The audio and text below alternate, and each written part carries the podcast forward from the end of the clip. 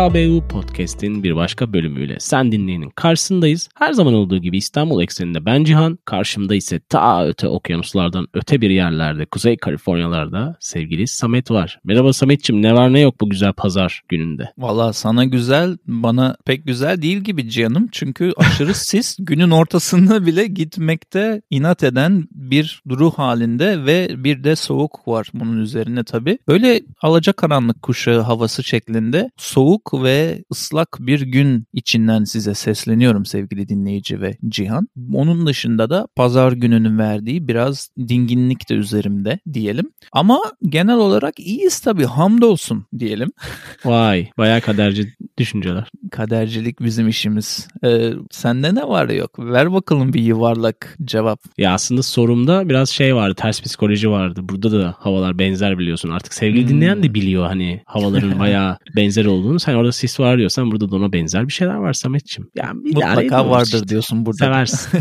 Sevdiğin tarzda bir cevap olsun Anladım. sana. Peki. Bugün sevgili dinleyenle ne konuşacağız? Değişik bir konu konuşacağız aslında. Hepimizin zaman zaman ana haber bültenlerinde görmüş olduğu yıllardır evden çıkmayan teyze, amca tarzı, çöp ev olarak da literatüre geçmiş olan bir hastalık diyebileceğimiz, bir takıntı diyebileceğimiz istifçilikten bahsedeceğiz sevgili dinleyene. Evet istifçilik Amerika'da medya anlamında bayağı popüler. Çünkü bununla Hı-hı. ilgili bir sürü yapımlar, şovlar, evet. bir şeyler, reality show dedikleri şeyler dönüyor. Ama Türkiye'de böyle bir şey var diyorsun yani sen de ben bilmiyorum hani çöpçü teyzeler falan şeklinde haberleri çıkıyor mu arada sırada? Ya tabii tabii geçmişten günümüze gelen bir skala var. Zaman zaman komşuların şikayeti üzerine diye başlayan haber bültenleri oluyor böyle. Yıllardır evden çıkmayanla devam eden ve içeriye zorla girilen. Anladım. Hani kapıyı çaldığın zaman da çünkü bu insanlar biraz yalnızlığın da vermiş olduğu Dışarıya şekilde kapalı. asosyaller. Evet yani güneş ışığı görmeyen, hı hı. evi havalandırmayan tarzında eve girdikten sonra zaten bambaşka bir dünya gibi oluyor. Sen de iyi biliyorsun evet. sevgili dinleyen de tahmin ediyordur. Bu istifçilerin e, durumuyla ilgili tanıma istersen girelim. Tanımla başlayalım. Nedir bu Hı-hı. istifçilik diye. E, bir mental bir problem bu. Yani İngilizce'de işte mental disorder of collecting items that are worthless, hazardous and unsanitary diyor. Yani bir değeri olmayan veya zararlı olan veya temiz olmayan ürünleri veya eşyaları toplama hastalığı ve bir akıl sağlığı ile ilgili bir hastalık olarak geçiyor tanımda. Bu bahsedilen aslında hani tıp tarafında bahsedilen tarafı ise kompulsif biriktirme hastalığı olarak geçiyor. Genellikle de ergenlik döneminden itibaren böyle bir şeylerin satın alınmasıyla oluşan böyle aşırı haz duygusu varmış. Bizim çok yaşamadığımız belki de.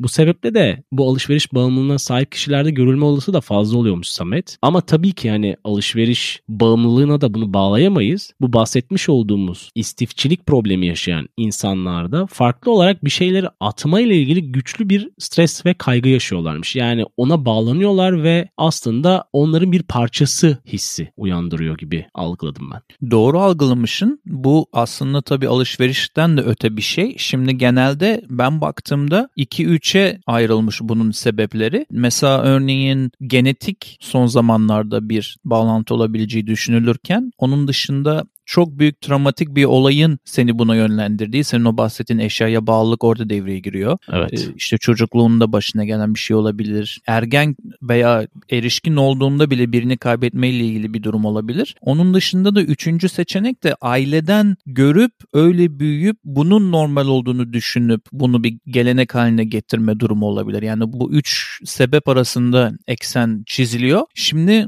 ben Amerika'daki bazı kliniklerden istatistikler bulmaya çalıştım. Şu anda dünya nüfusunun %5'inin bundan buna maruz kaldığı ve bununla cebeleştiği düşünülüyor. Hatta hani her 50 kişiden biri diye düşünebilirsin. Bunu bazı hı hı. yerlerde her 20 kişiden biri diye de yüksek bir oran çıkabilir bölge olarak düşündüğünde diye raporlar var. E şimdi kaçık ama nadir bir şeyden bahsediyoruz tabii. Doğal Komşunun olarak. belediyeye şikayet edecek kadar rahatsız olduğu bir görüntü veya kokudan bahsediyorsak şimdi ayrıntıları girdiğimizde ne kadar uçuk kaçık manzaralarla insanların karşılaştığını görecek sevgili dinleyici veya duyacak. Hı hı. Çünkü gerçekten bunun bir sürü farklı türleri var. Bazıları hayvan istifçiliği yapıyor. Bazıları çöp veya Hı hı. kağıt istifçiliği yapıyor. Bazıları bilgi istifçiliği yapıyor. Yani gazeteyi gazetenin üzerindeki tarihten dolayı tutan Evet. oraya o günü hatırlasın diye var. Bazıları geri dönüşümcü, bazıları yemek istifçisi gibi şeyler var benim önümde. Evet. E tabii bunların hepsi kendi çapında farklı problemler doğuruyor. Yani çeşitlilik gösteriyor insanların stoklamadığı maddeler diyelim artık. Peki ne zaman problem oluyor bu istifçilik durumu diye sorarsa sevgili dinleyen, kişinin sakladığı eşyalar günlük yaşamın düzenini bozmaya başladığında yani normal bir işleyiş içerisinde ilerlemediğinde diye anlayabiliriz. Ya da bu davranış içerisinde kişide aşırı strese yol açması ve diğer insanlarla ailesi, arkadaşlarıyla olan ilişkilerde sıkıntı başladığında ki genellikle yakın olanlar çok büyük psikolojik problemler de yaşıyorlar. Çünkü en yakınının, annesinin, babasının, kardeşinin her ne kimse çevreye bunu açıklayamayacak durumda olmaları. Çünkü sonuç olarak baktığımızda evin içerisinde her türlü mikrobun, her türlü farenin olabildiğini de sevgili dinleyen kafasında canlandırabilir. E bununla beraber de tabii ki kişide sağlık problemleri de ortaya çıkıyor. Bu işte evi havalandırmamaktan da başlayabilir. İşte evdeki bozuk ürünlerin ortamda oluşturduğu bakteriler, virüsler her şeyi göz önüne alabilir sevgili dinleyen bu örnekte. Evet bu başta söylediğine bir ekleme yapmak istiyorum Cihan'ım. Genelde bu dediğin durumu yani ne zaman birisi normal bir şeyi Hı hı. arşivleyen birinden hoarder istifçi klasmanına Evet. geçiyor sorusuna Orada orada çok ince bir hat İnce var bir ve çizgi. karıştırılan bir şey var. ince bir çizgi var orada ama bu ince çizgiyi şöyle en güzel ben açıklayabildim bulduğum kaynaklardan. Hı hı. Ne zaman ki bir evin belli bir işlev için ayrılan odası o işlevini kaybediyorsa o zaman bu bir hoarder bir istifçi klasına giriyor, klasmanına giriyor. Çünkü örnek vereceğim eğer ki senin duşakabin veya banyon ta- tavana kadar gazetelerle doluysa ve sen artık son 3 yıldır duş almıyorsan onu hoarder olarak kabul ediyorlar, istifçi olarak kabul ediyorlar. Eğer sen tuvaletini artık tuvalette Evet. kullanamıyorsan ve gidip bahçene yapıyorsan atıyorum o hoarder oluyor. Eğer sen yatak odanda uyumuyorsan çöplerin üzerinde bir yerde kazdığın bir tünelde uyuyorsan bunların hepsi gerçek gördüğümüz şeyler bu arada. O Hı hı. hoarder kabul ediliyor. Yani odalar kendi işlevini kaybediyor. Yatak odası yatak odası değil, banyo banyo değil, mutfakta zaten yemek yapmak imkansız halde gibi düşünebilir sevgili dinleyen. Tabii bunun şimdi genetik, travmatik bir de ailesel problemlerden kaynaklandığını genelde söyledik ama 13 yaşına kadar da geriye gittiğini bazı case'lerde, bazı dosyalarda görülmüş bazı vakalarda. Yani bu aslında hani çok böyle yetişkinlerin sadece debelendiği bir durum değil. Çocukluktan da Evet. başlayabilen bir durum. O, onu da Ya söylemek çocuk- lazım. Çocukluktan başlamasının en temel sebeplerinden birisi benim araştırırken gördüğüm ihmal edilmiş bir çocukluk yaşamaları. Yani baktığın zaman bayağı problemli bir aile içerisinde büyüyüp ki senin de biraz önce ifade ettiğin gibi ailelerinde de istifçilik ya da benzer bir rahatsızlık olması da bunun aslında sonrasını getiriyor. O yönden sorunlu bir bireyin belli aşamada tamamen kontrolden çıkması diyebiliriz. Peki bu hastalığa eşlik eden bazı farklı semptomlar ve hastalıklar da var. Onlardan da bahsedelim sevgili dinleyene hızlıca. Bir tanesi ciddi depresyon tahmin et- edeceğin gibi. Hı hı. Diğeri şizofreni gibi böyle psikolojik bozukluklar ki bayağı üst seviyeden bahsediyoruz. E bu obsesif kompulsif bozukluk bunu sağlıyor zaten. Artı belki de hani zaman zaman bu istifçilerin söylediği benim gözümde hazine gibi bunlar diye gösterdiği bütün biriktirdiği şeylerin sebebi kaygı bozukluğu bir anlamda. Yani algıları tamamen başkalaşmış, toplum içerisine adapte olamayacağını iyice fark etmiş bir birey olarak da görebiliriz bu insanları. gerçeklikten de biraz uzaklaşıyorlar tabii ki de E, kendi tabii ki. dünyalarında. Şimdi yüzde sadece yüzde 15'i bu, bu bu tip insanların sadece yüzde 15'i kendi kendine bu durumun farkında olmayı farkında olabiliyormuş. Geri kalanı dışarıdan müdahaleyi gerektiriyor. Şimdi biz bunu anlattık böyle canım. Bir dahaki next level step yani bir dahaki adım ne? Şimdi biri bunu biri bu durumu yaşıyor, maruz kalmış ki ben bu arada hiçbirini yargılamıyorum. Bu bir hastalıktır. Başına gelebilecek herhangi bir şey gibi. Evet. Sen şimdi bu durumdasın. Bir şekilde kontrolden çıktı bu ve evin kullanılmaz halde sen de sağlıklı değilsin. Şimdi bir dahaki adım ne oluyor? Önce çevreden bir rahatsızlık olduğu için bir şikayette bulunuluyor. Çünkü bu insan kendi kendini şikayet etmiyor. Bu evet. şikayette bulunulduğunda bir artık belediye olur, il olur, eyalet olur buradaysak yani ne neyse artık e, şehrin güvenliğinden sorumlu birim orada diyor ki şu günün sonuna kadar veya şu ayın sonuna kadar sana müsaade içini dışını evin pırıl pırıl topla her şeyi temizle normale dön çünkü artık bu bir public safety yani topluma olan bir sağlık sorunu haline dönüştü diyor. İşte evet. burada Cihan bu olayın başka kaçık bir tarafı devreye giriyor. Çünkü bu deadline yani son gün tarihi verildiği anda devreye bazı şirketler giriyor. Diyorlar ki bu ki bu televizyon programı da olabilir veya temizlik şirketi olabilir. Bunlar devreye giriyor Hı-hı. ve diyorlar ki biz sana yardım edelim sen evini kaybedeceksin, evsiz kalacaksın, elindeki her şey gidecek. Bak bunların hepsini çok seviyorsun. Her şeyini alacaklar zorla. seni de seni de bir yere yatıracaklar bir hastaneye. Gel biz senin bu olayına bir serviste bulunalım diyorlar. Bir e, kapı açılıyor burada bir endüstri açılıyor öyle diyelim. Hı hı. Hatta sitelere YouTube'ları bilmemlere girdiğinde hepsinin promotional promosyon videoları var. Yani böyle bildiğin e, adamlar reklamlar hazırlamışlar. Kamyonumuzla geleceğiz iki günde her şeyini pılını pırtını alacağız diye ama Ama sıkıntı şurada. Şimdi diyelim ki birine 30 gün müsaade verdin. Evet. Bu insanların o kadar ağır ki bu durumları. Bunlara gelip de ben burayı temizleyeceğim dediğinde genelde %99'u şunu söylüyor. Evet temizle ama benim iznim olmadan, bana sormadan bir iğneyi buradan atamazsın diyorlar. Hı-hı. Ve bir 30 günlük temizleme şeyi normalde yıllar sürecek bir hale dönüşüyor. İşte orada zaten bu drama devreye girdiği için hani çünkü ikna edeceksin bir insanı. Tabii. İşte o da ağlayacak lütfen bu gazeteyi atma 1970'ten benim için her şey bu diye ağlıyor. Televizyon reytingler veriyor falan filan diye bir kapı açılmış bu hastalıktan dolayı. Ya senin dediğin olayın şöyle bir alt yapısı da var.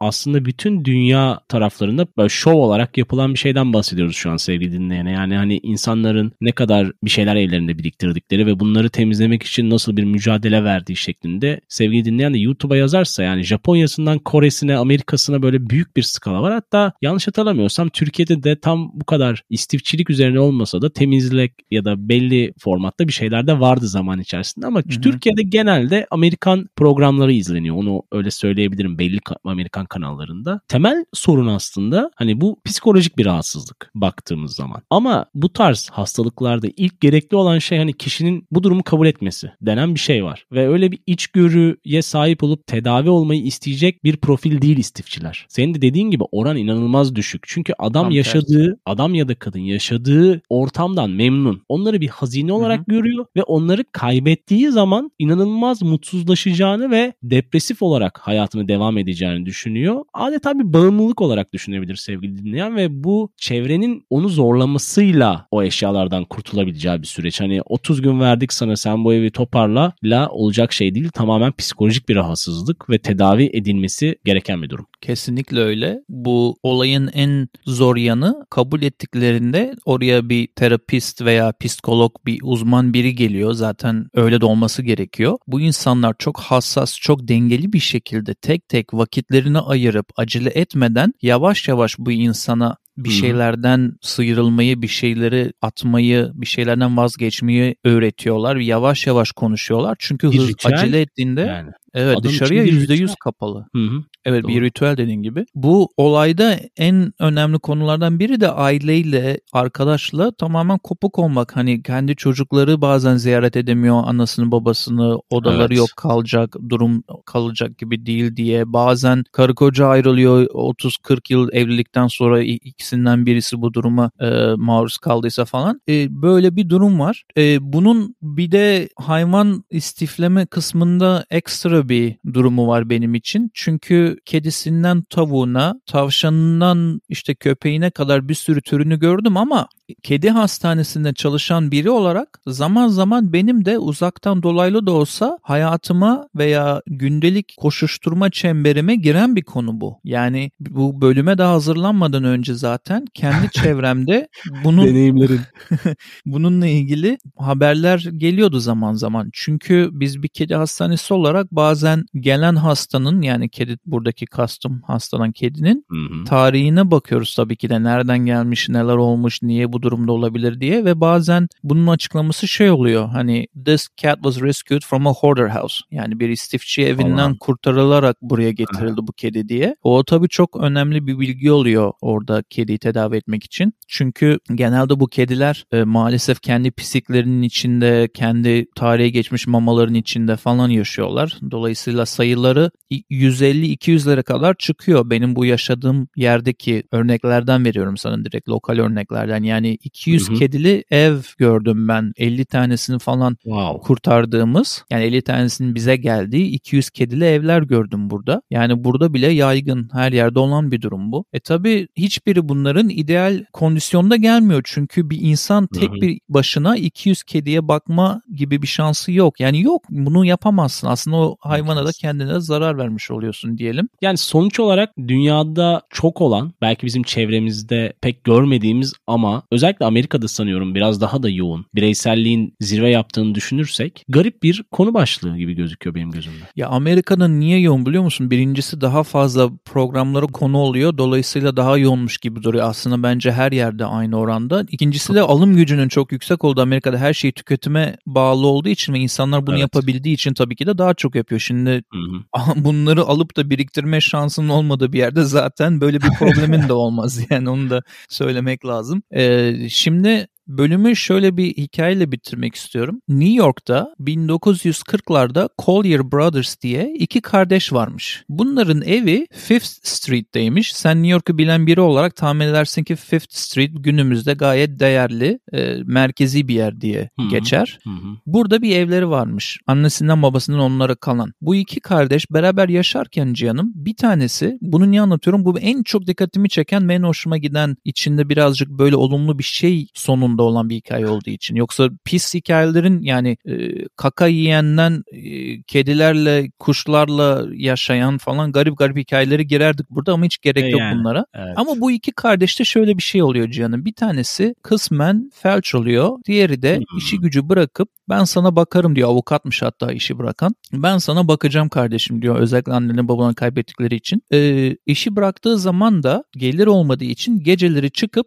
çöp topluyor. Etrafa da hani yargılanmamak için gece çıkıyor 12'den sonra çöp topluyor ve çöpleri eve getirerek yaşamaya başlıyorlar. Felç olan kardeşini doktora götürmemekte ısrar ettiği için o kardeşinin durumu daha da ağırlaşıyor. Hatta batıl inançlarla gün haftada 100 portakal falan yedirmiş. Senin körlüğün ve felçliğin bir şekilde iyileşecek ben bunu yaparsam diye falan diyor. Neyse uzatmayayım. Uzun lafın kısası eve çöp getirdikçe ev bir hoarders evine, istifçi evine dönmeye başlıyor. Hı hı. Sonra işin garip tarafı burada. Bu 1940'lar yine New Hı. York'ta sokaklarda bir söylenti dolanmaya başlıyor. Diyorlar ki bu iki insan bu evden hiç çıkmıyor.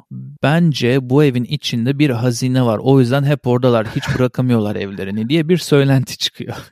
tamam mı? Sonra insanlar 5 kere 6 kere eve girip hırsızlık yapmaya kalkışıyorlar bu söylentiden dolayı. Altın maltın bulacaklar diye. Bu iki kardeş iyice paranoyaya bağlıyor. Zaten istifçiliğe doğru gidiyorlar. Önce evin camlarına demir parmaklıklar yaptırıyorlar. Kendi bir tanesi de zaten engineer mühendismiş önceden. Ama sonra sana bu kaçık olayı anlatmamın sebebine geliyorum. Evin etrafına ki bahçeleri çöp dolu evin etrafına bubi tuzakları kuruyorlar. Millet gelmesin diye. O kadar Oh. içe kapanıyorlar. Tamam mı? İnanılmaz. Hemen sonuna geliyorum hikayenin. Artık durum istifçi durumu olmuş. İçeride çöp Dağlar. yığınları girmek imkansız. Kapısının kolu bile yokmuş artık evin. İçerideler hep. Ee, bir camdan girip çıkıyor sadece kardeşi onun çöp getirip getiren. Bir gün kendine bir tünel yapmış çöpün içinde. O tünelden geçip kardeşine gidebilsin diye. O tünelden geçerken Cihan'ım bu bir tuzağına yakalanıyor. Kendi yaptığı bu bir tuzağını düş- unuttuğu için yakalanıyor. Ayağı kapana kısılıyor. Üzerine çöpler düşüyor. Bilmem neler oluyor. Hayatını kaybediyor bu. Tamam mı? Diğer açlıktan hayatını kaybediyor bir yere gidemediği için belli bir süre. Diğer kör ve felçli olan kardeşi de bundan bir süre sonra hayatını kaybediyor. Bir yardım gelmediği için ona yemek gelmediği için bir şey gelmediği için. Hı hı. Bundan uzun bir süre sonra da bir komşu hiç şikayetlerde bulunuyor 5-6 kere kokudan duramıyorum kokudan duramıyorum çünkü artık orada bir ölü beden durumu var. Bundan bir süre sonra sırada polis içeriye girmeye çalışıyor. Giremiyor. Demir parmaklıkları kesiyor. Bilmem neler yapıyor. Giriyor. Kimse yok burada diyorlar. Sırf çöp var.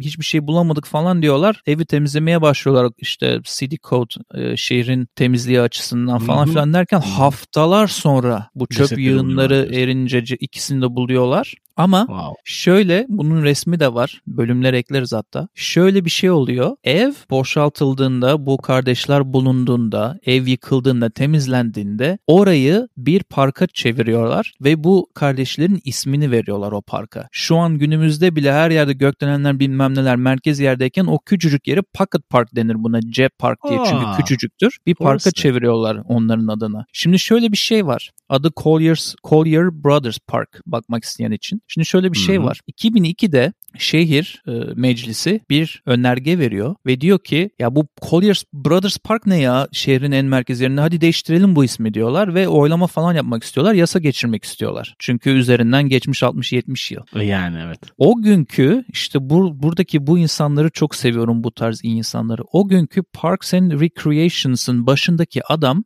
mecliste bir konuşma yapıyor ve bu kayıtlara geçiyor. Ve bu adam diyor ki Colliers, Collier Brothers dediğiniz kişilerin ismini değiştiremezsiniz. Çünkü bazen tarihte sadece kahramanların, sadece güzel hikayelerin isimleri parklara verilmez. Bazen çocukken odanı temizlemezsen sonun Colliers Brothers gibi olur dediğin hikayeler için park isimleri verilir diyor. Yani bu inanılmaz hoşuma gitti. Bu adamın bu konuşmasından sonra bu teklifi verenler bir geri çekiliyor. Ne oluyor, ne yapıyormuşuz biz diyorlar ve isim Aha. aynen günümüzde böyle kalıyor. Böyle de e, ilginç yan hikayeyle bitirmek istedim ben bu podcast'in istifçi konusuyla ilgili bölümünü. Çok güzel hikayeymiş. Teşekkürler.